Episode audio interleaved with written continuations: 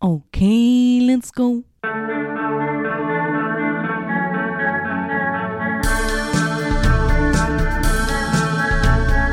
Nicolas Cage podcast. Nicolas Cage podcast. Na na na na. Vond je een film van Nicolas Cage leuk? Dan zou het kunnen dat hij in deze podcast zit. Nicolas Cage podcast. Na na na na. National Treasure. Hallo iedereen en welkom bij National Treasure, de podcast waarin ik, uw host Brandon Calui, iedere keer een film bespreek met Nicolas Cage. Nicolas Cage podcast. Deze aflevering is mijn gast Fokke van der Meulen, een legendarische figuur in het comedy-landschap. Hij runt Café de Joker in Antwerpen, waar al uw favoriete comedians langskomen voor een optreden en een pint. Hij heeft ook zijn eigen podcast, de Fokcast, is te horen in Mosselen om half twee en duikt geregeld op in andere projecten, zoals onder andere Opa speelt een spel. Ik heb het genoegen gehad om te luisteren naar Fokke die praat over Birdie, waar hij heerlijk flappert met dingen. Dus check ook zeker de YouTube-versie van de podcast om al het geflapper te zien. Ik heb deze keer niets geknipt uit de aflevering. Er zitten geen edits in, er zitten geen cuts in, niets. Het is een pure, rauwe aflevering waar Fokke zijn ding doet en ik soms een woord of een zin ertussen kan wurmen. Het was een onvergetelijke en ongelooflijke ervaring die ik graag met jullie deel. Met groot genoegen mag ik dus zeggen: Welcome to the Cage Stage Fokke! Na na na na. National Treasure. Ik vind dat wel echt zot, uw intro vooral. Ja, Gilbert Gottfried. Ik vind dat de max dat je gewoon fucking Gilbert Gottfried hebt voor de podcast. Ja, maar, eh, Alexander de Rijk heeft dat geregeld. Alright, nice. Ja, er was een cameo, hè. Dus daar, je hebt zo- zo'n bedrijf, dat heet Cameo. En Ja. die, eh, die voor eh, 100 of 150 of 200 dollar, of zo, eh, hoe groter de ster, hoe duurder de prijs, babbelen die dan een boodschap voor iemand in. Oké. Alexander had dat geregeld, daar, dus dat Gilbert Gottfried over de forecast heeft. En ik heb die wel herleid, sinds hem overleden is, ik heb het wel herleid tot twee zinnen. Vroeger Ja, het was langer Ja. vroeger. Ik heb het herleid tot. eh want ik vond, ik vond het een beetje. Sinds hem dood was, vond ik het een beetje raar dat ineens iemand zo, zo een dooie daarin sprak. Maar nu, nu is het gewoon. dus hij, ja, nu zegt hij gewoon. eh You're listening to the forecast of zoiets, zegt hij. Ja. Kort. Snel naar de andere flauwekul. Leuk, zijn, zijn we al begonnen? Of, eh Ja, ja wij, wij lopen... allee, deze podcast loopt gewoon er zo wat op het gemak in. ah ja. Ehm allereerst een dikke merci dat ik eh, mocht langskomen hier in The Joker. Een soort walhalla toch wel voor comedy. Eh, eh, eh, ja, toch een soort. Voor beginnende comedy is het hier eh de soort startplaats. Ja, absoluut. Eh, Kijk, hè. ja, voilà. En, ja, en jij wil over eh, Nicolas Cage babbelen. Ik wil graag over Nicolas Cage Hoe- babbelen met jou. En daar heb je misschien al tegen andere mensen uitgelegd. Maar waarom. Wat is, is Nicolas Cage jouw favoriete acteur? Goeie vraag. Ik, eh, eigenlijk is het heel toevallig gekomen. Ik, eh, ik had een boek gevonden over dat Nicolas Cage de beste acteur ooit was. Oké. En hier zijn de bewijzen. Dus met artikels en met reviews en noem maar op. Oké. En ik dacht, ja, leuk. Maar leeft dat dan nog wel bij anderen? Vinden, veel, vinden mensen die naar die films kijken, vinden dat dan een goede acteur? Dus dat is eigenlijk het standpunt van deze hele podcast. Ik spreek met gasten die hebben een film gezien of die vinden een film goed. Ja. En dan praten we over de film en dan kijken we, ja, hoe heeft Cage het nu eigenlijk gedaan? ja. En zo, als je ze allemaal zou luisteren of kijken, krijg je een idee of dat hij een goede acteur is. Is hij een national treasure of een international treasure zelfs? Eh, ik, eh, ik vind het een. Eh, eh, ik, weet niet of het de allerbeste acteur is. Eh, ik vind het wel een, bijzonder perso- een bijzondere man. Ja. Ik bedoel, het- hij is een beetje. De, zeker de latere films is het allemaal waar, waar potsierlijker en speelt hij vooral Nicolas Cage. Wat heel veel acteurs natuurlijk hebben. Ja, ik bedoel, een El Pacino en een Christopher Walken en een... En, Chris Pratt heeft dat ook eigenlijk al een beetje, vind ik. Ja, ja, maar ja, die heeft.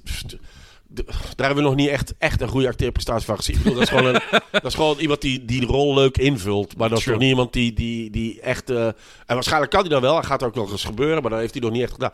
Maar je hebt wel zo bij een Al Pacino... die echt hele interessante rollen deed en hele Mhm. interessante karakterstudies doet. En daarna gewoon woeha begint te roepen en dat is het dan een beetje. Ja, en daar heeft, wel, en daar hè. heeft Nicolas Cage ook, toch? Of niet? Ja, die heeft nu zeker sinds, vind ik, Massive Talent, omdat dan het is van speel u zelf een keer in een Ja. comedic version. Ja. Ook in Renfield dat je dat ook wel ziet. Die hebben we nog niet Ehm, gezien. Maar die, ja, die, nee, die Massive Talent. Nu, het, hij heeft wel een soort revival nu. Hè? Het was, het, hij was een beetje in de verkeerde. In de verkeerde en nu met die, met die eh, Color of Space. En, Colorado Space heel goed, ja. eh, dan die Massive Talent. En Peek is net schijnt goed. ja, Renfield is een beetje. Dus hij heeft wel de laatste paar jaar terug een soort revival. eh, Absoluut, ja, ja, he's back, not that he went anywhere.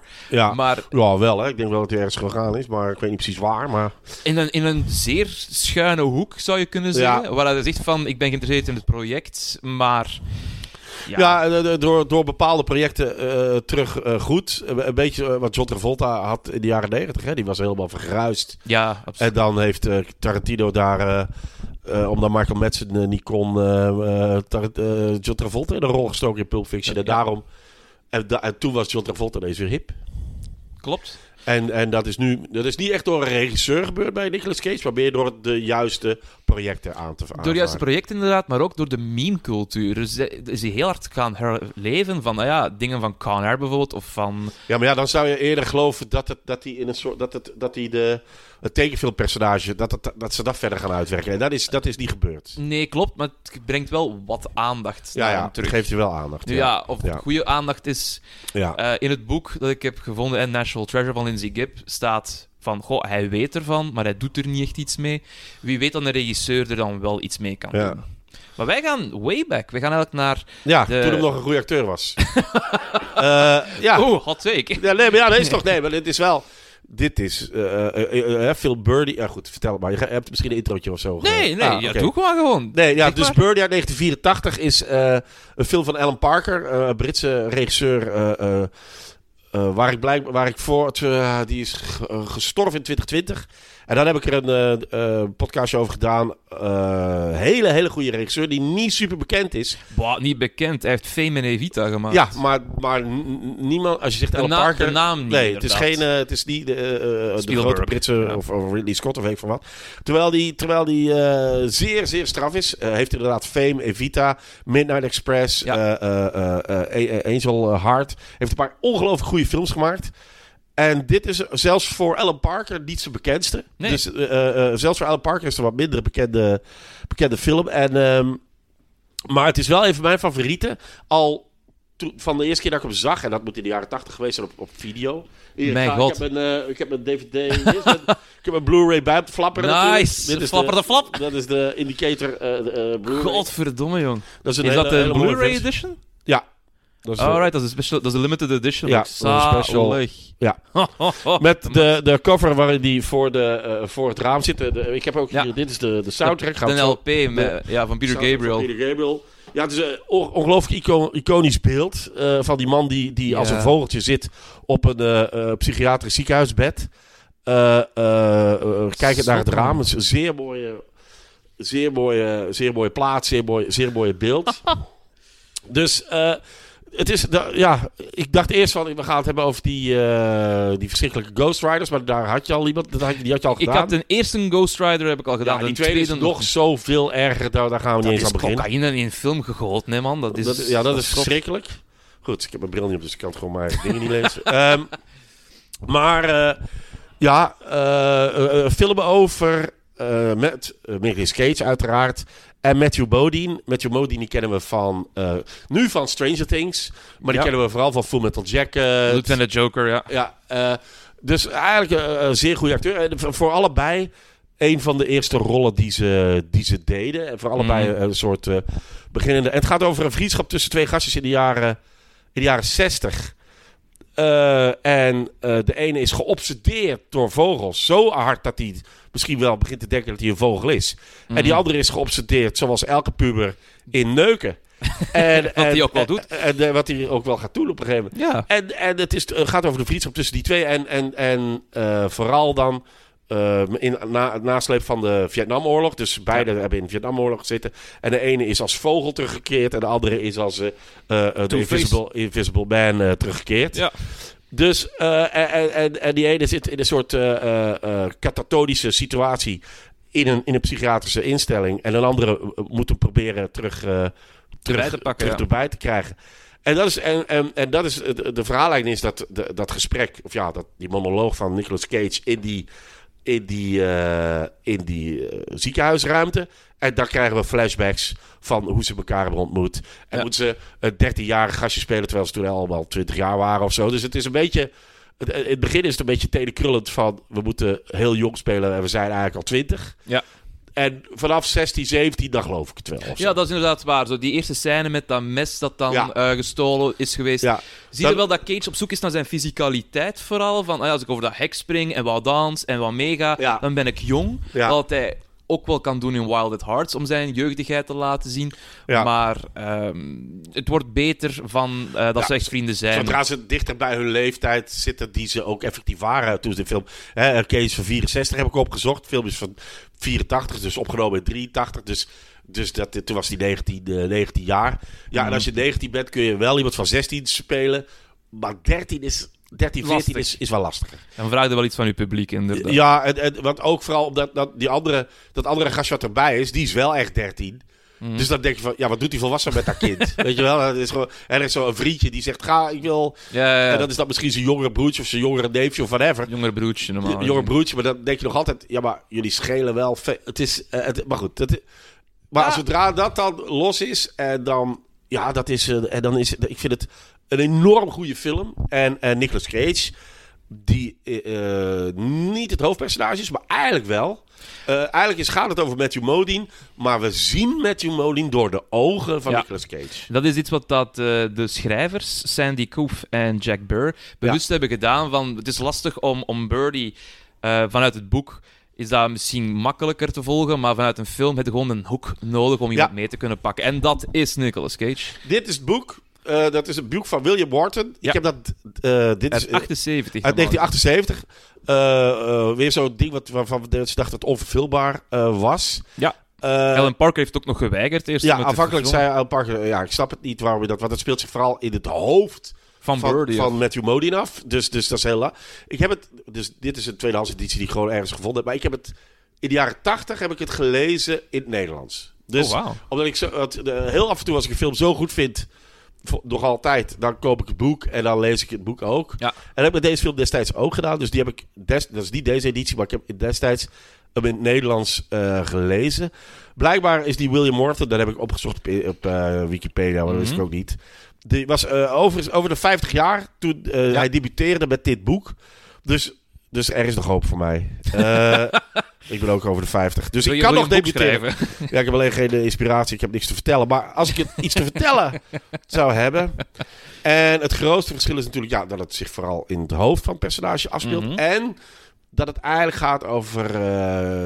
in de jaren 50. Dus het Ja. gaat over Tweede Wereldoorlog-. Ja, Wereldoorlog 2. En de film gaat over Vietnamoorlog. Hun idee was vooral om mensen aan te kunnen spreken van nu willen ze in die Vietnamoorlog dat zetten. Als ook blijkbaar, ik heb het boek zelf niet gelezen, dus correct me if I'm wrong, maar de focus van de vriendschap moet ook het verkooppunt zijn in de film. En Ja. dat is eh, in het boek misschien net iets Nee, anders. in, in het boek is, eh, is dat eh, personage Nicolas Cage eerder een bijrol. Ja, En in, en, en in de film hebben ze er echt een soort hoofd, Ja. hoofdrol van gemaakt. Nu, dat is ook logisch, want je moet ja, je, moet je narratief kunnen vertellen. Ja. Je moet, er zitten een paar wat droomachtige sequenties in. die gelukkig ook niet te raar worden of zo. Maar die, ja, je kunt er niet de hele film doen. Of ja, David Lynch denkt dat je er een hele film gaat doen, maar dat kan niet. je wil als kijker nog snappen wat er aan de hand is. En door de ogen van Nicolas Cage aan die Mhm. gasten kijken. En af en toe dat die Nicolas Cage zegt... Jij bent, jij bent raar hoor, je bent echt Ja. raar. Dat wij zeggen, oh, oké, goed, die gast is die helemaal... Maar in zijn hoofd is, natuurlijk, is die normaal, want die snapt, die is gewoon zo. ja, het is voor hem heel logisch allemaal. En je ziet dat heel schoon in de film, dat het moment dat eh, ze vogels aan het zoeken zijn, is nog allemaal van, oké, je bent zot van vogels, Ja. fine. Dan komt dat pak en denkt er van, dat is al een beetje raar. En dan, ah ja, ik kan vliegen, oké. het is al... Het is vooral als hij begint te neuken met een parkiet. Dan wordt het... eh, dan, eh, Dan is zijn we het- al ver in de film. Dan zijn we ver in de film. En dan is het voor Nicolas Cage gaat het te ver. Maar inderdaad, er is een fantastische scène eh, in, op half uur, eh, ongeveer een half uur. Dus eh, eerste, einde eerste, begin tweede eh, Mhm. zit een fantastische scène dat ze in, in een soort vogelpak Ja, duiven gaan vangen. En op het dak van een, van een, van een fabriek. En de ene, eh, glij- dus Matthew Modine glijdt uit en die gaat vallen. En die denkt, als ik, als ik een beetje anders val, dan val ik op een, een zandberg. En die denkt dan dat hij een stukje vliegt of zo. En, Mhm. en, en Nicolas Cage komt erachteraan.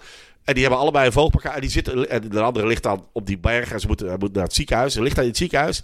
En die gast, Nicolas Cage, zit dan eh, te wachten in het ziekenhuis. En zegt tegen een fantastisch gecaaste, ongeïnteresseerde, wat dikkere vrouw in een, in een, in een, in een, in een ding.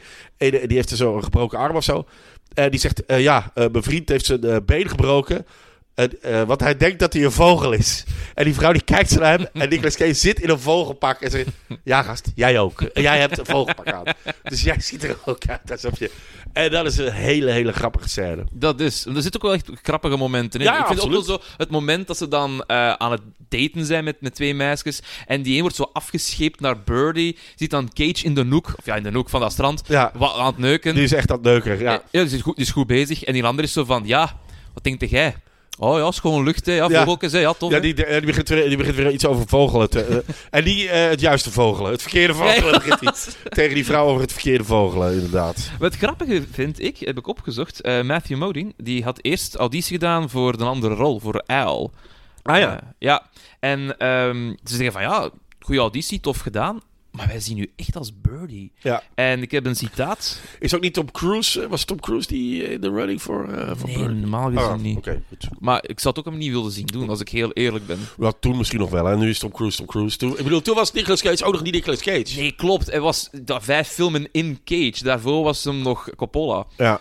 Maar Modine had nog gezegd in een interview: um, I was flabbergasted because I hadn't auditioned for Birdie. I had never imagined playing that part.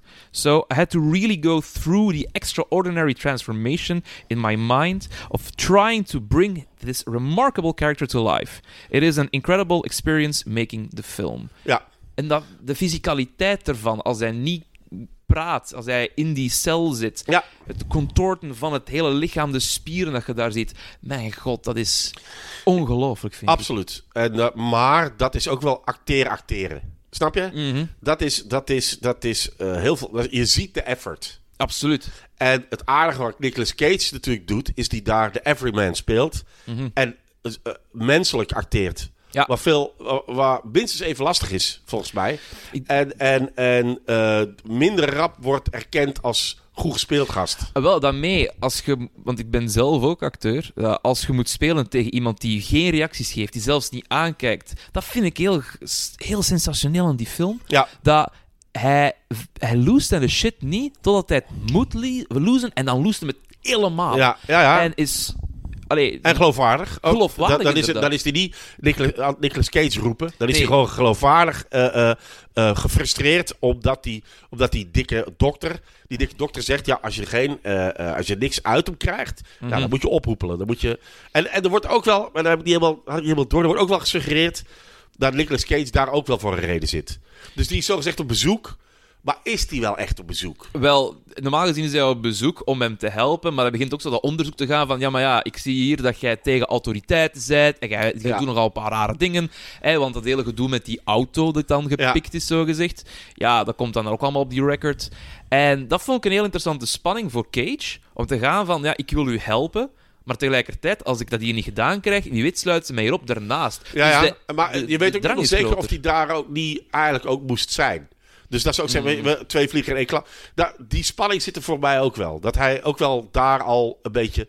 Steek die gast maar daar. Zo. We, du we duwen Ja. die kant En op. hij en- denkt en dat hij die andere gast moet helpen, maar eigenlijk is het ook niet handig. Is het wel handig dat hij zelf ook al een beetje in de inrichting zit. Cage had nog in een interview ook gezegd over hoe dat hij die, die rol ging aangaan. Of ja, ging aangaan. Hij zei: I was terrified of the role because it was nothing like I've ever done before. And I didn't know how to get to the places the role was asking me to go emotionally. Ja, dat had ik hier ook staan. Ja. En dan eh, eh, blijkbaar, dat, het staat in datzelfde artikel waar jij ze waarschijnlijk ook op gegoogeld hebt, dat hem, eh, voor, dus, dat verba- hij heeft een verband aan. Hij ziet Ja. eruit als de Invisible Man, bij wijze van halver- halverwege. En dat hij daar ook de hele tijd aanliet. Ja, En dat inderdaad. hij ook eh, twee tanden heeft laten trekken Ja. om, eh, om die rol eh, helemaal eigen te maken. En het interessante daaraan is, jaren later, rond Renfield, heeft hij een Wired autocorrect interview gedaan. Ah, ja. En daar hebben ze hem toen gevraagd van, ja, jij hebt in een film zo precies een tand of zo dat je niet hebt. En de tanden dat hij heeft laten trekken voor deze film waren nog melktanden. Ah, die, had, die had hij nog.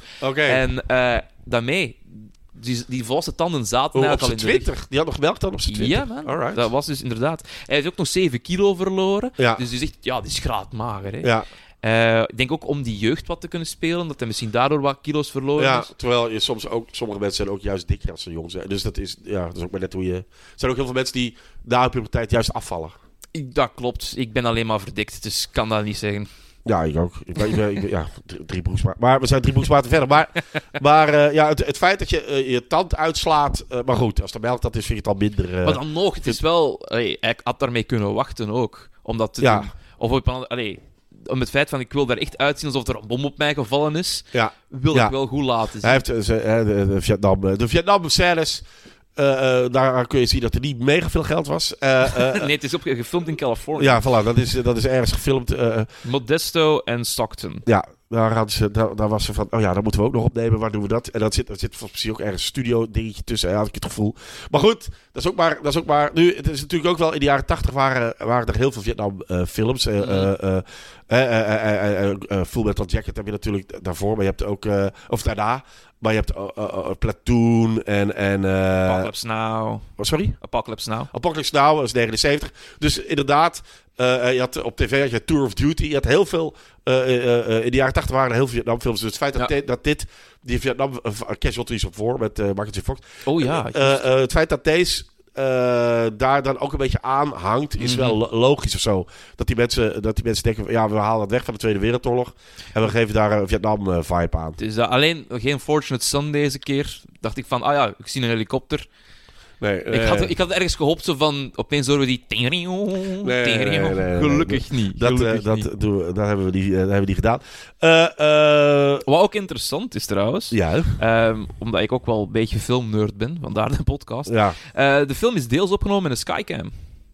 Weet je wat dat is? Eh, is dat dat ding wat vliegt of zo? Is dat iets wat... eh, Nee, dat, hangt aan kabels eigenlijk. Ja. En eh, je kunt er eigenlijk heel vloeiende bewegingen Ja. mee maken in de lucht.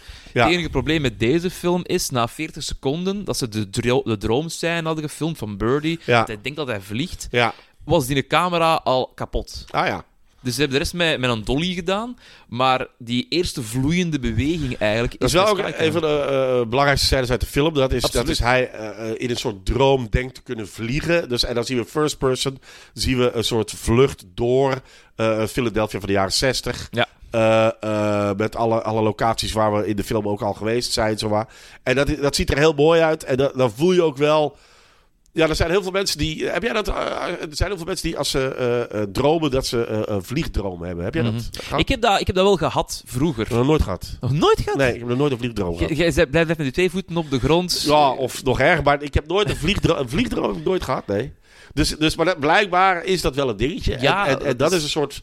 Een soort escapisme, denk ik ook wel. Zo'n bevrijding hebben. Ja, Maar ik heb ook heel lang gedacht in het derde kleuterklas dat ik effectief kon vliegen als ik drie keer draaide. Dus misschien is het ook gewoon Misschien zijn er andere dingen mis met jou, maar... Oh, veel. Maar, Maar- eh, nee, ja, de- en, en, en Matthew Modine ook. Hè. Hij, hij- de- het gaat over zijn obsessie met vogels en met Mhm. vliegen zelf.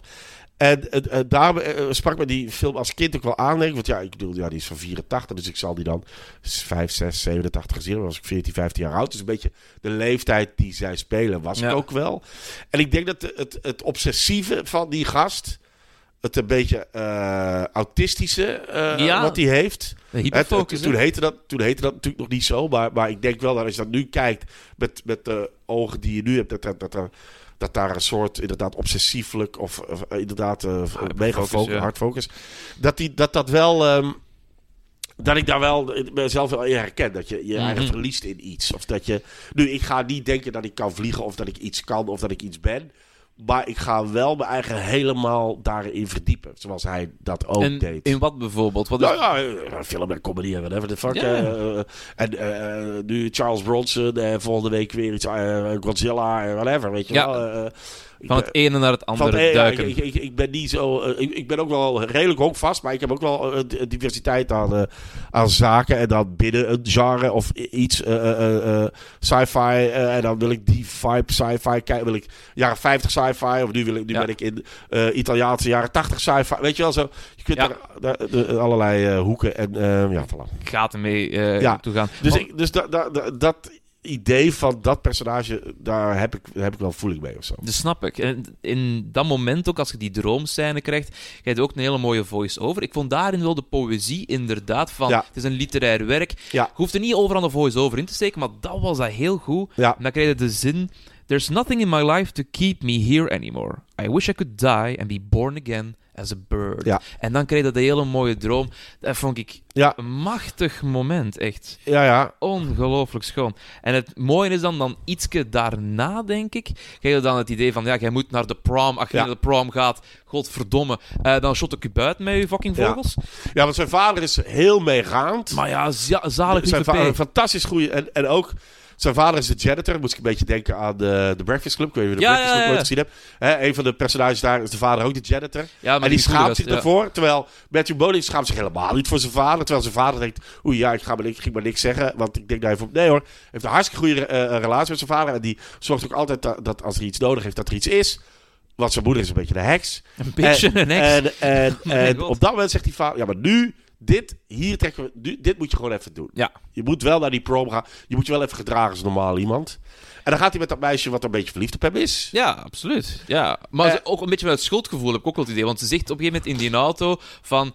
Ik weet het dat je met mij moest uitgaan, dus ehm voilà, hier zijn mijn tetten. Ja, die, dus, die, dus ze gaan, eh, hij kan niet dansen. Dat is ook heel, heel grappig. Dat eh, scène in de, de in de prom zelf. Ja, ja. de vogeltjesdans gaat hij misschien kunnen. En dan eh, zit ze in de auto. En dan, dus om hem te bedanken dat, dat hij met haar naar de prom is gegaan, mag die andere tieten zitten. Ja. Maar hij is totaal niet geïnteresseerd in haar als in, in die tieten. Eh, en hij komt er eventjes aan alsof het een soort, inderdaad, een soort melk, al- als Ja. de melkklier die het ook is. Ja, voilà, dat zegt dus- hij ook letterlijk. ja. Van, they're just like on a cow, but Ja. in a more stupid place. Het is gewoon een melk, dus ik snap niet goed wat daar de lol aan is. En dan is zij een beetje teleurgesteld. En, ze en hij geeft ook... Zij, hij zegt ook niet van... Ja, maar ik, hij is niet stoer. Hij is gewoon heel eerlijk. Ze van, Ja. Ik weet ook niet wat ik hier zit te doen. Ik weet het ook niet. En dan en ze, en zegt, ze- vraagt ze van... "Ga- eh, gaan we elkaar nog terugzien? En dan zegt ze, hij zo... Ja, maandag op school. en zij bedoelt... Nee, nee, kunnen we nog een date Relatie die- Kunnen we, die- iets, kunnen we kussen? En hij zegt... Nee, nee, maandag op school zien we elkaar toch? Dus dat is dat, die, die onschuld gekoppeld aan die eh, eh, helemaal focus op iets anders. Mhm. Ja, die komt daar heel goed in uit. En dan gaat hij naar huis. En dan neukt hij met zijn met zijn kanarie. Ja, inderdaad. Dus dan heeft hij wel door van, ah ja, er moet iets van seksualiteit. Maar ik wil dat niet met een mensenvrouw. Ik wil dat met een, met een, met een vogelvrouw. Ja. ja. Ja, en eh, natte dromen komen er ook. Hè. De Ja. meeste dromen zijn bedrog, maar Ja. hij komt toch wel. Dus dan gaat, hij, dan gaat hij met zijn kanarie neuken. Gaat met zijn kanarie neuken. Ja. Nu, we Wat wel heel mooi, eh, heel mooi en teder in beeld gebracht is. Ja, ook gewoon het, het feit dat hij dan die natte droom heeft en zelf het besef he- heeft van oei, dat is gebeurd. En je daarin als kijker rustig wordt meegepakt. Ja. Wordt niet geduwd of En getrokken. dan komt Nicolas Cage binnen en die zegt, wat de fuck gast, wat liggen hier naakt. eh?" Ja. En Die denkt dat het iets is met de, de avond ervoor, maar dat, dat heeft er niks mee te maken. Nu, oh god, als ik nu mijn bril op had, want het is hier wel donker, ik kan het niet meer lezen. De, de cinematografie is ongelooflijk in deze film. Mhm. En die is van een gast wiens naam eh, jij, jij niet kan lezen? niet meer kan lezen, maar hoog doen. Niet Eh. Nee, hier, deze regel. Ah, oké. Eh, Michael Surstein. Surstein. Michael Sur- en die heeft nog andere films van eh Alan Parker gemaakt, namelijk eh, Fame en Midnight Express, waar ook en Angel Heart, wat een heel mooi gedraaide film is. Maar ook, die kennen we ook van de Harry Potter Prisoner of Azkaban. Jesus. Eh, ja, Meen dat? Ja. Wist ik niet. Ja. Holy crap. zelfde, zelfde fotograaf. En die heeft, dat heb ik natuurlijk opgezocht, weet ik niet uit mijn hoofd, maar de, die heeft ook twee, die van die, die nieuwe drie Planet of the Apes films, heeft Ja, hij de ja. tweede en derde ook. Dawn En War, War, of, the, ja. War of the Planet of the Apes heeft hij ook gefotografeerd. Maar die Prison of Azkaban, dat is, dat is een grote breuk met die eerste twee potters. Ja, die eerste twee zijn kerstfilms en dan komt en in daar The komt iets wat heel mooi gemaakt is. Ja, En dat is eh, deels dus door de fotografie van de man van Birdie. want het is ziek goed in beeld gebracht. Hè. Het is Het is- ongelooflijk knap. echt- Het is eh, eh, met momenten wel wat theatraal. Dus heel duidelijk dat de belichting theatraal gedaan is. Een beetje poëtisch. Zo, Ja, wat ook wel ja, past wat- in het literair van het boek. Maar met momenten is het ook wel heel natuurlijk. En ziet het er gewoon heel, heel normaal uit. Dus het, het wisselt ook echt tussen die... Tussen die Mhm. eh, Zeker in die, in die cel. En dan met dat licht zo. En dan denk ik van ja, oké, dit is wel echt is heel, goed, heel knap. Maar heel theatraal in beeld gebracht. Terwijl als, ze, als zij eh, eh, schoffies zijn in de, in de straat Mhm. van Philadelphia... dan ziet het er heel natuurlijk en netjes uit. Ja, maar dat vind ik ook wel, wel schoon, omdat die cel voor mij is echt gewoon als een podium. Ja, it, ja. is a stage. Is- En hij is gewoon de, de acteur die daar bezig Ja, is. ik Maar heb ook het gelezen dat er een, een theaterversie van gemaakt ja, is geweest. dat klopt inderdaad. Er is een versie voor theater voor gemaakt. Wat dat, eh, verder weet ik ook niet door wie, door wat en door hoe, maar ik zou het wel gezien willen hebben Ja, eigenlijk. ja het, het, het- kijk, het is natuurlijk ook. Het speelt, het, het vertrekt ook echt vanuit die cel. Dus dat is Mhm. één plek. Dat is een, eh, eh, eh, en de rest is, zijn flashbacks die je natuurlijk ook gewoon kunt vertellen. Ja. Dus in principe als je, heb je maar twee acteurs nodig. En that's it, hè. En that's it. Dus, dus nou, nu, ik vind de dokter ook wel een, een goed personage. En, oh wacht, ik ga even, toch even mijn bril pakken. Anders dan... Ja, doe maar, doe maar, doe hè. Lul het aan vol, hè? Maar ik kan ook knippen, hè. Oh ja, daarin? Oh, dat is wat ik doe. Ja, ik heb... eh, Bril wel bij. Terwijl dat Fokke zijn een bril aan het zoeken is en ik misschien ofwel of niet ga knippen, eh, dat zien we nog wel. Eh Want, ah, hier, voilà, nu doet hij het hoor. Nu doet mijn ogen het. yay! De, eh, de verpleger of de hulp, Ja. die wordt gespeeld door Bruno. Dus je hebt, eh, je hebt de dokter, je hebt de, je hebt de verpleegster Mhm. en je hebt een verpleger. Wat ook, want dan zeggen ze, oh ja, dat is ook een Italiaan. Ja. Eh, hè, want eh, ja, daarom is het ook zo raar dat Matthew Modine voor die andere rol gaat. Want dat moet heel duidelijk een Italiaan zijn. En dat is Nicolas Cage, is daar veel duidelijker dan Matthew Modine. Dat moet een, eh, hè, ik weet niet wat het personage heet, El Huppel, Alfonso Huppeldepup. Ja, dat moet een... dat Alfonso Colombato. moet- ja, voilà, dat is een Italiaanse naam. En Matthew Modine, ja, ik weet niet wat ze, die zijn roots zijn, maar die ziet er niet zo hard zo uit. Nu, de verpleger is eh, Bruno Kirby, Ja. een acteur. En die kennen we eh die supergoed van heel veel dingen. Die heeft eh, van allerlei dingetjes gemaakt. Maar ik ken die vooral eh, van de geniale film Good Morning Vietnam. Geniaal, Robin Williams. Robin Williams fin- film. Waarin hij eh, Lieutenant Hawk speelt. En dat is de, de, de gast. Die de hele, een beetje de antagonist. Mhm. En die vindt eh, Robin Williams die grappig in eh, Good Morning Vietnam. En vindt zichzelf en gaat dan, neemt dan het radioprogramma op een gegeven moment over. Ja, en dan wordt het echt ziek. En dat was verschrikkelijk. Want dan begint die polka's te draaien in plaats van Ja, niemand En- heeft er en iets aan. En zijn mopjes zijn niet leuk. En, en, eh, en daar zit... eh, eh, en dan, en die zegt, een van mijn favoriete zinnen in de filmgeschiedenis... zegt Bruno Kirby als Lieutenant Hawk in, Depo, in sorry, in de Good, Morning Vietnam. Zegt hij... eh, eh, als die dan van het radioprogramma wordt afgeflikkerd omdat het verschrikkelijk is, zegt hij een zin die heel veel openbikers hier ook zeggen eh, Oh, als ze hebben gebomd. Deep in my heart, I know I'm funny. zegt hij. En dat is een gast zonder gevoel voor humor. En, en heel veel openbikers zijn Lieutenant Hawk. En, en, maar die acteur is, eh, ja, dit is, de, is die gewoon een bijrolletje. In, de, in Good Morning Vietnam is die wel, is die wel, een, Ja, heeft hij wel, een, wel, ja. wel een belangrijke rol. En hij heeft nog wel wat dingetjes gedaan hoor. Maar is die mega bekend. Maar dat is wel, ja, vind ik wel echt, eh, wacht, ik had het hier. Voilà. En dan over die play. eh, Naomi Wallace, a poet and a playwright, adapted Birdie for the stage 1997. Cool. Ehm, en, maar de, de, de schrijver van het boek, William Morton, heeft gezegd dat hij de play en de film en de scenario en zo allemaal. Daar heeft het allemaal niet gelezen of gezien, want dat vindt hij stom. Dus eh, ja, goed, mag hè, ja. Ja, Eh, natuurlijk. daar moet u Is mee ook een liedje van R.E.M., waar we geen fan van zijn. Maar goed, eh, Michael Stipe, whatever. The King of Birds is een liedje van R.E.M. en dat is gebaseerd op het boek eh Oh, Birdie. nice. Eens Heb ik hier eh, ter- teruggevonden. En voor de rest... Want Hij dat- heeft ook een Pulitzer Prize niet gewonnen. Net Nee, niet, net niet nee, gewonnen. niet, niet, niet, niet gewonnen. Want als we het hebben over muziek, inderdaad. Ja, Peter Gabriel heeft het album gemaakt. Ja, voilà. En dat is voor mij, daarom, is- dat is ook wel een reden waarom ik eh, eh, zo fan ben van die film. Is omdat ik ook, ik ben een heel groot Peter Gabriel fan. Ik vind Ja, ongeloo- en hij heeft, hij heeft eh, Ik heb hem eh, een paar maanden terug eh, in het Sportpaleis eh, terug eh, gezien. Nice. Dus hij was, want hij heeft een nieuwe plaat uit. Of ja, hij heeft, ja, hij heeft een nieuwe plaat uit. En hij brengt bij elke volle maan een nieuw eh, liedje van die plaat Ja. eh, eh, uit. En die plaat is gewoon weer heel goed. En hij heeft wel ongeveer 10 of 15 jaar over gedaan op die plaat. Die werkt heel traag aan, aan zijn platen. En de- het aardige van deze plaat is. eh, dus, dus, de- dus hij heeft eerst. Hij is- Peter Gabriel zat eerst in Genesis. En dan is hij Ja. uit Genesis weggegaan.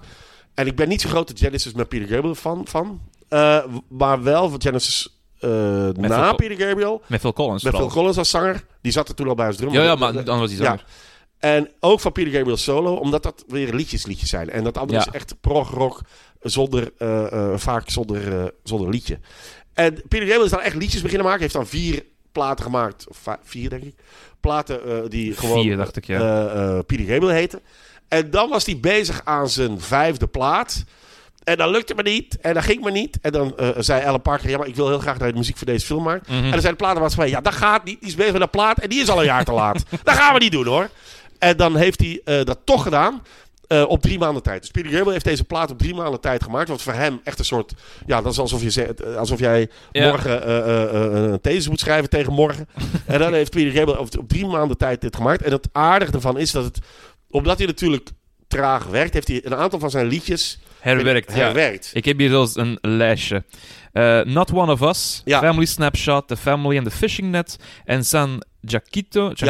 Chaquito. Ja, dan The Rhythm of the Heart ook nog. En Ja. de main theme was een variatie van Wallflower. Voilà. Dus die heeft echt gewoon... Die heeft zijn eigen liedjes ver, ver, eh, versoundtracked. Ja. En het bijzondere is dat dat, ja, dat zijn dan een beetje gestripped down de versies. Dat is gewoon hartstikke mooi. En, goed. En eh, het is ook de samenwerking met Daniel Lanois. Iemand die uit de Brian Eno-stal komt. Dat is allemaal een beetje technische... eh, Nee, go, go, go. maar, eh, en samen met die Brian, Daniel Lanois heeft hij dan zo zijn gr- belangrijkste, Ja. bekendste, belangrijkste, bekendste plaat gemaakt. Waar Sledgehammer en Big Time en Don't Give Up Ja, die, op staat. die classics echt. Eh, Don't Give Up dan toen met Kate Bush is opgenomen. Maar hij heeft het ook veel gezongen met Sinead O'Connor. Dus die Kate helaas Bush is overleden is. Sinead O'Connor is juist overleden. Kate Bush is door Stranger Things nog rijker geworden dan dat ze al was. en en, en eh, dus, dus die soundtrack is voor mij ook wel, wel, eh, wel belangrijk. En, en het aardige is ook dat dat... Nu zijn we dat wel gewend of zo. Een Mhm. popmuzikant die een soundtrack... Maar in die tijd was het helemaal Nee, niet zo absoluut. courant. En dat brengt mij... Dus je wil iets vragen, maar je hebt geen tijd. Nee, maar dat is oké. maar dus hey, dat brengt mij bij de andere film waar, eh, waar deze film me ook een beetje aan doet denken. Rabbit. Is Rumblefish. Ah, Rumblefish. Film waarin Oh. Nicolas Cage ook zit. Ja. Film van Coppola. Maar ik wou eerst deze zeg maar, Nicolas Cage is echt wel een klein bijrolletje hier. Dus dat telt dan- eigenlijk niet. Jawel. Op mijn Maar- lijst stelt dat wel. Maar het, eh, het aardige is dat dit een film is van voor eh, Birdie. Waarin eh, eh, Nicolas Cage een eh, een 17, 18-jarige puber ook speelt. Die gaat vechten met eh, eh, eh, het hoofdwerk met, met Dylan en zo. Dus een beetje de, de, de, de, de, de, de andere ploeg. en ook wel een beetje al het personage is wat hij in Birdie gaat spelen. maar en- nog niet helemaal. Maar Het is- helemaal niet. Nee, nee, het is nee, nee. veel kleiner. Nee, nee, veel kleiner en veel minder gelaagd. Ja. Het is volgens mij in, denk ik, de derde film dat hij is Ja. als Cage. Ja, Dus Voilà, en het aardige van Rumblefish is dat, behalve dat dat een van de beste films aller tijden, ook, ook een van de beste films aller tijden is, dat ook van visualiteit, het is die zwart-wit gedraaid, Mhm. maar je kunt van Birdie ook zeggen dat die, dat die wat grauwig is van sfeer, daar zit het dus niet heel kleurrijk. Nee, dat is waar de kleur... Allee, als je kijkt naar kleurschakering, bij elkaar geprint. Dus dat je hebt is, wel wat blauw, je- maar... Die zou kunnen werken als zwart-wit film, Birdie. Je- in Hier, theorie, als je ja. kijkt, zelfs de poster, ik bedoel, dat is bijna zwart-wit. Dat is bijna zwart-wit, maar ik vind dan net wel schoon, voor de mensen op YouTube is het vooral, dat eh, de kleuren van zijn huid is, zijn goed gevlekt. En je Ja, ziet ja. wel een beetje dat pigment van dat roze Nee, het is erin. absoluut. Maar het is zeer ja, mooi beeld gebracht, ik, maar ik, het- er snap wel dat je kunt zeggen van, het, we gaan het in zwart-wit doen. En niet. is dan inderdaad wel 100% zwart-wit. Mm. eh, op een paar Kleine vis- momenten, visjes, visjes daar. En de soundtrack is daar gemaakt. Ik denk dat de film is van 82, 81, 23. Dat weet ik niet uit mijn hoofd. 83, 82, whatever. En de soundtrack daarvan is gemaakt door Stuart Copeland, de drummer van de police. Dus, daar- dus, dus dat, he- daar zitten wel linken tussen Rumblefish en Birdie. En, eh, en ook daar, ja, Rumblefish is ook een van mijn favoriete films altijd. Maar Birdie zit, staat ook wel top 20 of zo. Eh, eh, maar die, daar, ik moet altijd, omdat ja, Peter Gabriel, een, een popmuzikant, die een soundtrack maakt en dat doet zonder eh, een, eh, een orkest. Eh, dit is dus- Zonder tijd ook. Ja, eh, het is gemaakt met een Fairlight. Dus een soort, eh, een soort piano, eh, synthesizer piano eh, geluid, wat, wat, wat heel veel terugkomt. Ja, de Fairlight CMI Music Computer. Ja, voilà, die was, en dat was toen. Nu is dat, nu is dat een, retro ding natuurlijk. Ja, we zijn fucking, we zijn 40 jaar verder. Maar de- toen was dat de state of the art, duurste ding aller tijden. En, en we begonnen bands eh, daarmee te experimenteren en, Mhm. en, en, en zo. En, en ook Peter Gabriel. Het is door dat apparaat te kopen, gekoppeld aan die Daniel eh, Lanois, dat hij daarna Sledgehammer en, en dit, dat is eigenlijk ook een gevolg van Birdie. Eh, dus dat is eigenlijk ook heel aardig. Dat, eh, ook voor Peter Gabriel is dit Zeker. een belangrijke sound. Het is belangrijk ding. Ook zijn eerste soundtrack, want daarna heeft hij nog voor Passion, eh, voor The Last Temptation of Christ Ja. ook nog gemaakt. Voor Ja. OVO, dat is een show uit Ja. eh, 2000. En de, voor de film Rabbit Proof Fence heeft hij ook nog soundtrack gemaakt. Dat is de Australische film. En, het aardige is ook dat Alan Parker, regisseur van Birdie, heeft gezegd dat hij het heel prettig samenwerken Ja, vond met absoluut. Peter Gabriel. Omdat Peter Gabriel niet zoals Roger Waters, eh, wat eh, eh, Alan Parker heeft de Wall gemaakt, de, Ja, film Floyd, van, van Pink Floyd. En ja, dat zijn de normaal gezien zijn artiesten, en dat is in Comedyland niet anders, zijn enorme narcistische, egocentrische klootzakken. En dat is, dat is in de muziek zo, in theater, in alle, in alles zo. absoluut. En, en Peter Gabriel is dat niet. Dat is gewoon een hele aardige mens. Ja, dat zegt hem letterlijk. Hè, van, wacht, waar staat het hier bij mij? Van ja, ik heb nog nooit iemand gehad die zo eh, fijn was om mee samen te werken, want hij was heel rustig. En die had een hele duidelijke mening blijkbaar. Ja. Dus is van, ja, maar doe maar, dat is oké. Ik vertrouw erop dat het goed komt. En ja, het heeft ook wel echt gewerkt. Ja, en ik denk dat voor, voor iemand als eh, eh, eh, Peter Gabriel, die een perfectionist is, ook wel lastig is om op drie maanden iets te moeten maken. Want die geeft pas iets af als het af is. Nu ook weer, ik bedoel, hij heeft 10, 15 jaar over een plaat gedaan. dus, dus, dus ik denk dat het wel lastig was. Maar het is toch wel een heel, heel straf, eh, straf ding geworden. Wat je ook Absoluut. gewoon kunt opzetten zonder dat je naar die film hoeft te kijken. Maar ook wel prettig. Het is een goed album. En Ja. het grappige vind ik dan ook wel, je hebt dan wel één nummer dat eruit schiet. Niet van op het album, maar gewoon in de film. Ja. Los Lobos La Bamba. Ja, ja, ja. Dat is echt een liedje, liedje. Maar dat vind ik dan wel heel tof dat ook dat erin kan zitten. Ja. En op die momenten dat je denkt, hoe stom zit er nu weer bezig? Omdat daar ook wel de comedy, dat, die, die, die zit er wel in voor de comedy vibe. Absoluut, ja, maar Dus- wanneer doen ze het ook? Ze doen Ja. het als eh, op, eh, allee, Birdie dan zijn apparaat klaar heeft, op een vuilnisbelt met, zijn, met hun fiets ervan afrijden en op het einde als ze ontsnappen van het zottenhuis. Ja, je denkt Ja. van, alright, ja, een beetje eh, Bonnie en Clyde gewijs, we gaan gewoon ontsnappen en rare dingen doen. Klopt. Het aardige van deze film is dat dit een van de weinige films is die ik ken die letterlijk een, een punchline heeft. dus, dus we hebben er best wel... Het is best heel dramatisch. En Ja. ook met, met, met heel veel eh, eh, emotionele zaken en heftige shit. En roepen en huilen en whatever. En het eind gewoon met een mopje. Het eindigt gewoon met een mopje. En dat vind ik heel erg leuk. Omdat hij ook, weet je, de zaak waar, waar onderuit haalt. Eh, op, een hele, hele, helemaal aan het einde ontsnappen ze uit de psychiatrische inrichting. Ja. En staat, eh, staat Birdie op een muur en hij gaat er afspringen. En Nicolas Cage ziet dat aan en denkt, holy shit. Die Hij springt van een gebouw Ja. af. Die springt gewoon van een gebouw af. Ja, En die rent er naartoe om te kijken, wat is er aan de hand? En die kijkt naar beneden en die ziet dat er nog een verdiepingje lager is. En de andere kijkt omheen en die zegt, wat? Wat is dat? Wat? wat? kom, gaan we nu mee, ja of nee? gaan we, ja, zo. En En dan- is de aftiteling. Dan is de aftiteling. En dan is dat is wel. Zo, je hebt best een zware film. En toch ga je met een, op, met een licht gevoel naar huis of zo. Ja, maar het kon maar één van de twee kanten eindigen. Het kon ofwel eindigen met, inderdaad, Birdie begint te spreken en ze gaan ontsnappen, of Birdie gaat dood. Ja. Dat, wa- dat, dat ik weet ook niet wat het einde van het boek is hoor. Dat weet ik echt niet meer. Ik weet ook niet of het boek eh, dramatischer eindigt of zo. Want dit, dit klinkt al wel als een, eh, als een, een trucje om een leuk einde voor de film te maken. Ik denk dat het boek. Zo'n waarschijnlijk- leuke knipoog van, Ja. hey, alles komt toch nog goed. Dus ik, denk, ik, ik vraag me af of dat, of dat in, die, in, die, eh, in dat boek ook zit. Dat ben ik vergeten. Maar ik vind het wel tof dan, eh, op een gegeven moment, eh, hij al dus echt aan het proberen van, spreek, doe dingen, hij pakt al die baseballs uit die Ja. kist van, kom, doe mee. En dan, uiteindelijk, hebben ze elkaar vast. Cage heeft daar een paar orderlies tegen de muur geketst van, kom, fuck off. Ja. En dan begint Birdie eindelijk te praten, dat je eigenlijk al best op Ja. aan het wachten bent. En dan komt de zin, I'll Sometimes you're so full of shit. Je Ja, denkt van, oh, je bent is- niet veranderd, dat is Ken. het eerste wat hij zegt. Dat is het eerste wat hij zegt. En dan komt, de, eh, eh, dan komt die dikke dokter binnen. Ja. En dan zegt hij: Kom maar, zeg nou iets tegen die dokter. Zeg iets tegen die dokter. Want Zegt anders- niks. En die zegt niks, die gaat Niks. weg. En zegt: Zeg nou maar, we hebben niks tegen die dokter gezegd. en zegt: Ja, ik had niks te zeggen. Zegt dan. De- Exact hetzelfde terug met, met, met dat meisje en met zijn ouders. Heel de tijd van, ja, maar ja, ik zie het probleem niet. Wat is Nee, het probleem? hij is, hij is heel rechtlijnig. En ook, dat vind ik ook een heel mooie scène, is dat hij... eh, en dat is ook het moment waar Nicolas Cage echt heel veel respect voor hem heeft. Mhm. Is als hij eh, ruzie maakt met de vader van Nicolas Cage. Dus de vader Ja. van Nicolas Cage heeft, die auto, heeft de auto... Dus ze zijn samen bezig aan een auto. Ze gaan daarmee de stad in. Die rijdt eindelijk. Ze gaan ermee de stad in. En die wordt weggesleept. En die vader verkoopt die auto waar zij al zo lang aan gewerkt Ja. hebben. Dus die vader van Nicolas Cage verkoopt die. En, en dat pikt hij niet. Hij pikt dat niet. Hij zegt, ja, maar we krijgen er geld voor. Hij zegt, dat doet niet, het gaat niet over het geld. Hij- gaat ook niet tegen mijn vader in. Ik bedoel, die, die, die geeft je klap en noem maar Ja, op. Ja, en hij gaat doen. keihard tegen die vader in. Speelt dat ongelooflijk goed. Geeft niet af. Mhm. Krijgt dan, eh, en die moeder van Nicolas Cage, die zegt dan, ja, pak nu dat geld aan, anders dan doet hij een ongeluk. En dan pakt hij dat geld tegen zich aan, geeft aan Nicolas Cage. Het gaat hem niet over dat geld. Het gaat over de... En dat, dat, ziet u, eh, dat is voor die film aardig, omdat, omdat Nicolas Cage dan denkt van... Holy shit, hij gaat tegen mijn vader in. Ik durf dat zelfs niet. Mhm. Ja. Hij wel. En het gaat ook over... Hij is gewoon heel rechtlijnig in zijn denken. Hij, dat is, dit klopt niet, dit is onrechtvaardig.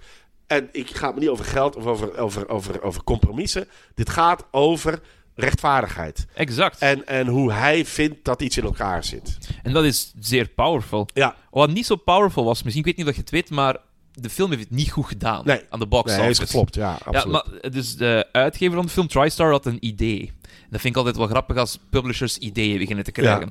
Hun idee was, ja, maar wat als we gewoon in een paar kleine cinema's dat doen, en dan komt er word-of-mouth reclame, eh, en dan dus begint een soort indie-gevoel te krijgen, Ja. en dan full release. Dus ze hebben hem gereleased op 21 december 84 in eh, een paar cinema's in New York, LA en Toronto, ja, en niemand kwam kijken. nee, Want ja, te, te niche. nee, ja. En dan in 85 Ook niet echt een kerstfilm of zo. Nee, inderdaad. En in 85 januari hebben ze het dan overal gedaan. En het heeft gewoon niet gewerkt. Dus eh EMA, ENM, sorry, de gasten die dat script, script hadden gekocht, die zeiden, alright, we gaan ertussen moeten komen. We gaan ehm, Parker, Modine, Cage gewoon naar critics en journalisten en naar radiostations laten gaan van, Ja. maakt godverdomme reclame voor in de film, want we hebben echt volk nodig Ja, totaal van 1,5 miljoen dollar tegen een budget van 12 miljoen dollar. Ja, ja. Dus ja, rats in de vergetelheid geraakt. ja door, door een slechte promo. Ja. Ja, ja, ja, dat snap ik. ik. Het is ook een moeilijk verkoopbare film. Aan de andere kant denk ik wel van... Ja, eh, eh, lanceer dit eh, november of oktober. En dan heb je een Oscar-film. Ik bedoel, lanceer dat... Juiste Oscar- timing, ja. als je... December is niet de juiste tijd voor... december is wat te laat. Zeker als, het dan, als je het dan nog moet laten herstarten. Ja, Oscars zijn in februari. Dus, daar, Mhm. dus eigenlijk is oktober, november is, is, is beter. Daarvoor, terwijl, ik bedoel, en Matthew Modine en Nicolas Cage hadden hier... Nicolas Cage had hier beste bijrol gewonnen. Mhm. eh, omdat hij heel veel tekst heeft. Terwijl het wordt toch gezien als een bijrol. En dan win je heel Absoluut. snel. Dan win je heel snel. Eh, eh, en hij laat maar, of, of, of niet, omdat je denkt van ah, hij heeft nog veel meer in zijn markt. We zullen wel zien. Maar goed, dit, ja, dat is, dat is promo-gewijs is dat niet zo goed. Maar het is ook, ja, waar gaat die film over? Hoe ga je dit naar het grote publiek? Het, het, is, het is ook niet zo evident. En, en, en het, is natuurlijk, het komt ook van de man die Fame gemaakt heeft. Ja, dit heeft niks met Fame te maken. Dit lijkt niet op Fame. Nee, niemand zingt. Nee, nee, nee. Deze nee keer er wordt weinig gedanst. Ja. Eh, eh, Zeg jij iemand die beïnvloed wordt door, door zo IMDb-scores of reviews? En je zegt van, ja, nu ga ik het wel zien of nu ga ik het niet meer zien? Of zeg jij van, ah, fuck it, ik doe mijn eigen ding. Nee, kijk, als, als mensen het heel goed of heel slecht vinden, dan, dan, dan heb je dat wel in je hoofd of zo. Eh, Ja. En wil ik wel iets, wil ik het wel zien om te kijken, van, ja, wa- wat, is dat dan of zo. Maar, maar normaal, ja, als iets, weet je, ja. eh, Wat, wat natuurlijk bij Rotten Tomatoes, eh, eh, die website, eh, Ja. die, die, die- wat heel helder is, is daar. Wat, wat heel boeiend is, is, is het verschil tussen de critics en het publiek. Ja. Als de critics, eh, laten we zeggen, ta- 90 zeggen, het publiek, het publiek zegt 30. Ja, kans dat een shitfilm is, is redelijk groot dan. Ja, En, en andersom ook. En, en, en, en als en de critics en het publiek het allebei goed vindt, dan kun je bijna wel vanuit gaan dat het echt een goede film is. En dat is er hier gebeurd. Ja. Want de critics gaven het 80 en het publiek geeft het 84. Ja, dus voilà. dat verschil is minimaal. Ja. Nu, dat is wel Rotten Tomatoes. eh, mensen die nu naar Birdie gaan kijken, zijn mensen die dat op voorhand al een beetje goed vinden. Want dat zijn ook wel fans van, van, van iemand die daaraan meegewerkt heeft. Mhm. Want je, dus die film die je zo even opzet. Want ik, hoe, heb jij hem bekeken? Ik heb hem bekeken via eh, Prime. Dat kunt je Ah, ja. huren. Voor Oké. 4 euro. Dus ik heb het Voilà. zo gedaan. Want op DVD, ik kon hem kopen voor 40 euro. Ja. Ik dacht, dat is veel voor een schijf. Ja, voilà. Dus dat is, dat is duur. En ik weet ook niet precies waar, waar je dat dan moet vinden en zo. Ja, vroeger ging je naar de videotheek, maar die tijd is Bol. eh, Bol.com, ja, dat zal die ook inderdaad... Ja, 40 euro Bol. Ja, Vijf sterren trouwens op bol, hè. ja, van die ene gast die, eh, die hem zelf verkoopt op 50 euro. Maar eh, de- nee, ja, ik heb eh, op, op Blu-ray, op Amazon wel ergens gevonden of zo. Maar dat op Maar Indicator... Dus dit is de beste versie, hè, de Blu-ray. Denk want, ik, ja. de VHS en de DVD, die werden uitgebracht met hier is een schijf en kijk hem maar. Maar de Blu-ray is echt special edition op aanvraag, Ja. waar dat de regisseur van heeft gezegd, ik ga mijn best doen om dat het beste product te maken Ja. voor deze film. Met commentaren, met interviews, dat boekje inderdaad. Het is de beste versie. Dus En dat is al... ook altijd leuk bij die indicators. Er is ook nog een andere... Een andere je kunt er altijd Oh, dat is een originele cover. Ja. Dus je hebt de originele poster. Je hebt de, de, de Ja, ik poster. eens flapperen voor de camera Ja. nu eens, hè. Hier, hè. Dus dat- Originele filmposter. ja. ja, ik weet ook niet... eh, eh, eh, zou je eerder naar deze film of eerder naar deze film gaan kijken? Hangt af van mijn stemming. Ik, Ja. Deze zegt mij, vriendjes, eh, coming Ja. of age story, kijk tof. Ik denk dat deze beter is om, om volk te lokken. Absoluut. En een andere, dat is voor in een arthouse cinema. Ja. Of, of eh, ja, als theaterstuk inderdaad. Want, want dat is het aardige van die film wel. Het gaat, het gaat natuurlijk... eh, nou, het boek waarschijnlijk niet, maar de film gaat wel echt over vriendschap. Absoluut. Ja, dat over is de ook- vriendschap tussen die, die ogenschijnlijk twee gasten die weinig met elkaar gemeen hebben. en toch samen Ja. door dik en dun gaan, Ja. door een hele oorlog gaan zelfs. Ja. En dat is ook de, de, de appeal van, van het verkopen. Hè? Van ja, het is coming of age en twee gasten die je samen ziet opgroeien. Ja. En de ene is gewoon net iets anders. Ja, ja En- die ene is, eh, Nick- het personage van Nicolas Cage is meer de everyman, zoals ze Ja. allemaal zijn. Hè? Als je, als je eh, puberaal bent, dan wil je maar eh, één ding, en dat is geld, eh, seks en drank. En de andere wil vogel. Ja, Vo- vogel, vogel, vogel. vogel zijn. vogel zijn. Nu, ik, ik ben ook niet iemand die gaat van, ah ja, ik vind scores en, en reviews belangrijk, maar ik vind het altijd wel leuk om naar eh, reviews te gaan kijken. Bijvoorbeeld van Roger Ebert. Ah ja, Ja, omdat dat ook zo de, main- de man was die heel veel over Cage geschreven had. ah ja. En ehm, het, het linkt een beetje aan wat er gezegd is. hè. Birdie tells a story so unlikely and yet the story so interesting, it is impossible to put this movie out of my mind. 4 out of 5 stars. Ah ja. Wat dat zalig is. Ja. En de New Yorker in de tijd zei dat Cage en Modine fantastisch hebben gespeeld, maar de film is net iets te somber en te ongelukkig. En dan snap ik wel dat je de huidige cover hebt. Ja, ja. Want ja, het is, het is wel pijnlijk, maar het blijft voor mij wel ja, een, een, een film over, over vrienden. Over vriendschap, ja, Ja. absoluut. En ook over dat, dat die vriendschap overwint het wel. Eh, eh, aan het einde van de film is de vriendschap terug. Is die er, Ja, is die er er weer? weer. Dus, dus, dus eh, eh, eh, eh, want op een gegeven moment, vlak nadat hij die vogel geneukt, die, die parkiet geneukt heeft, bij wijze van spreken, dan is voor, voor Nicolas Cage een beetje de maat vol. Gaan ze allebei het leger in. Ja. En dan zijn ze elkaar een beetje kwijt. En dan gaat een andere terug die vriendschap terug opzoeken in dat, die psychiatrische instelling. En, en twijfelt hij ook wel van, ja, maar is die gast nu... Hoe, hoe zit het nu? En, op, en aan het einde van de film merk je dat ze, dat ze gewoon terug, zoals vroeger, vriendjes zijn. Ja, en weer crazy shit gaan doen waarschijnlijk. Ja. Want ze springen al van een gebouw af. Ja, ze, beginnen, ja, ze, Ja. ze gaan ontsnappen daar. Ja, absoluut. komt helemaal goed. Nu, de film heeft wel prijzen gewonnen. Ah ja, Ja, twee. Een Grand Prix Special du Jury van 85 op Cannes. oké.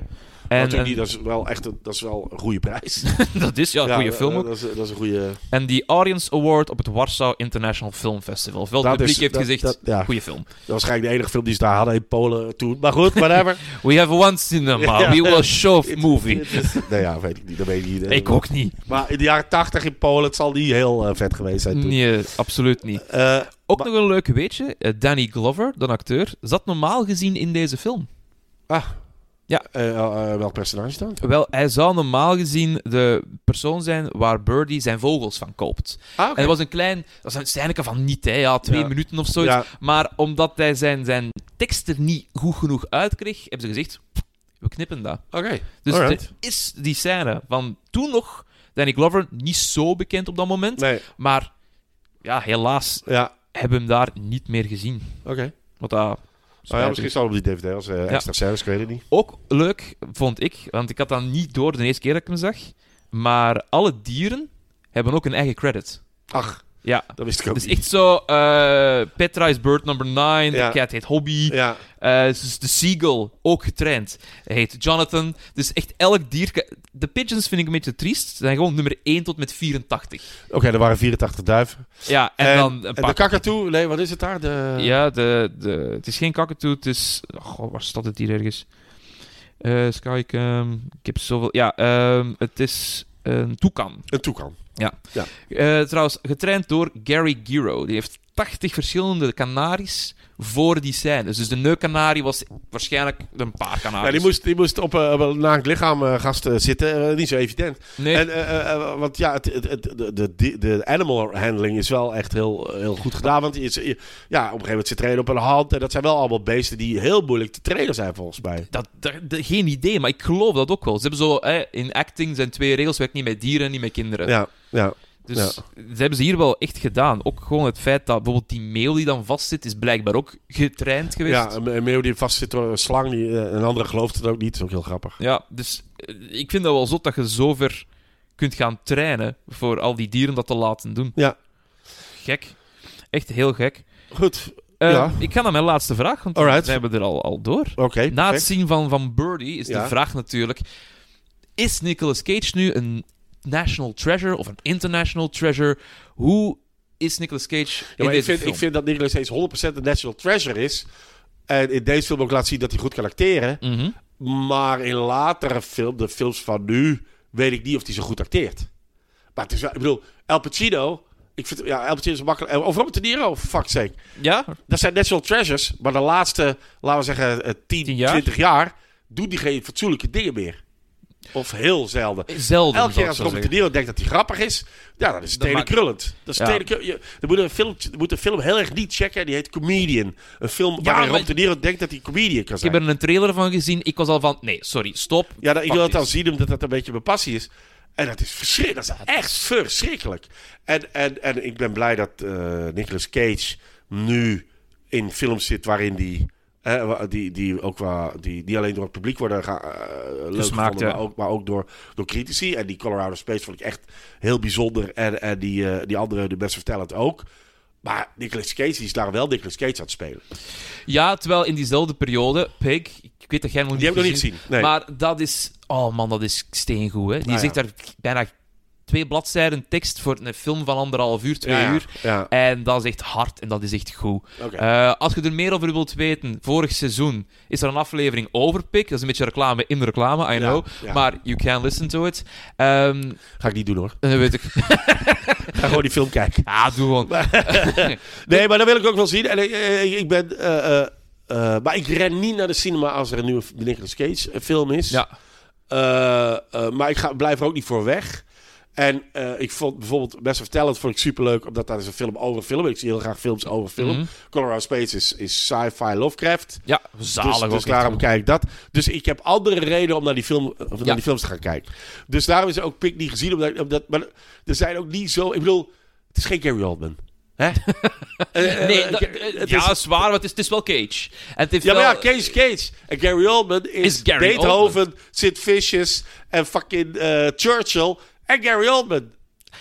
Ja, oké, ja. heeft heeft, eh, heeft eh, Nicolas Cage ooit zelf een film geregisseerd? Ja, hij heeft één film gedaan in Welke? 2002. De naam ontglipt mij hier nu Ah, even. ja, Hij heeft er eentje gemaakt, inderdaad. Moet ik nog bespreken, dus Is, is dat de moeite? Heb je het gezien? Speelt hij er zelf in mee? Ik vind dat de moeite. Maar speelt hij er zelf in mee? Ja. Oké. Nicolas- eh, Gary Oldman heeft Deel by Mouth gemaakt. En die heb ik van de week in Londen gekocht op Blu-ray. Een heel dure Blu-ray. en dat is ook een ongelofelijke film. Maar goed, het is, nee, Gary, kijk, het is geen Gary Oldman. Het is geen Gary Oldman inderdaad, maar wel, mijn argument is... Ja, dat is, dat is heel goed voor Gary Oldman. Dat, dat- Maar Gary Oldman, dat is, oké, dat is ook een unicorn. Dat is, wel, dat is gewoon de beste acteur van de wereld. Er is geen betere acteur dan Gary Oldman. En die is ook, die doet, je, het is niet dat je naar een Gary Oldman film zegt van, iedereen is weer aan Gary Oldman. Nee, dat is waar. En bij Cage heb je wel af en toe dat je denkt van... Wanneer komt de schreeuw, wanneer komt het gefluister, wanneer komt de vlammen...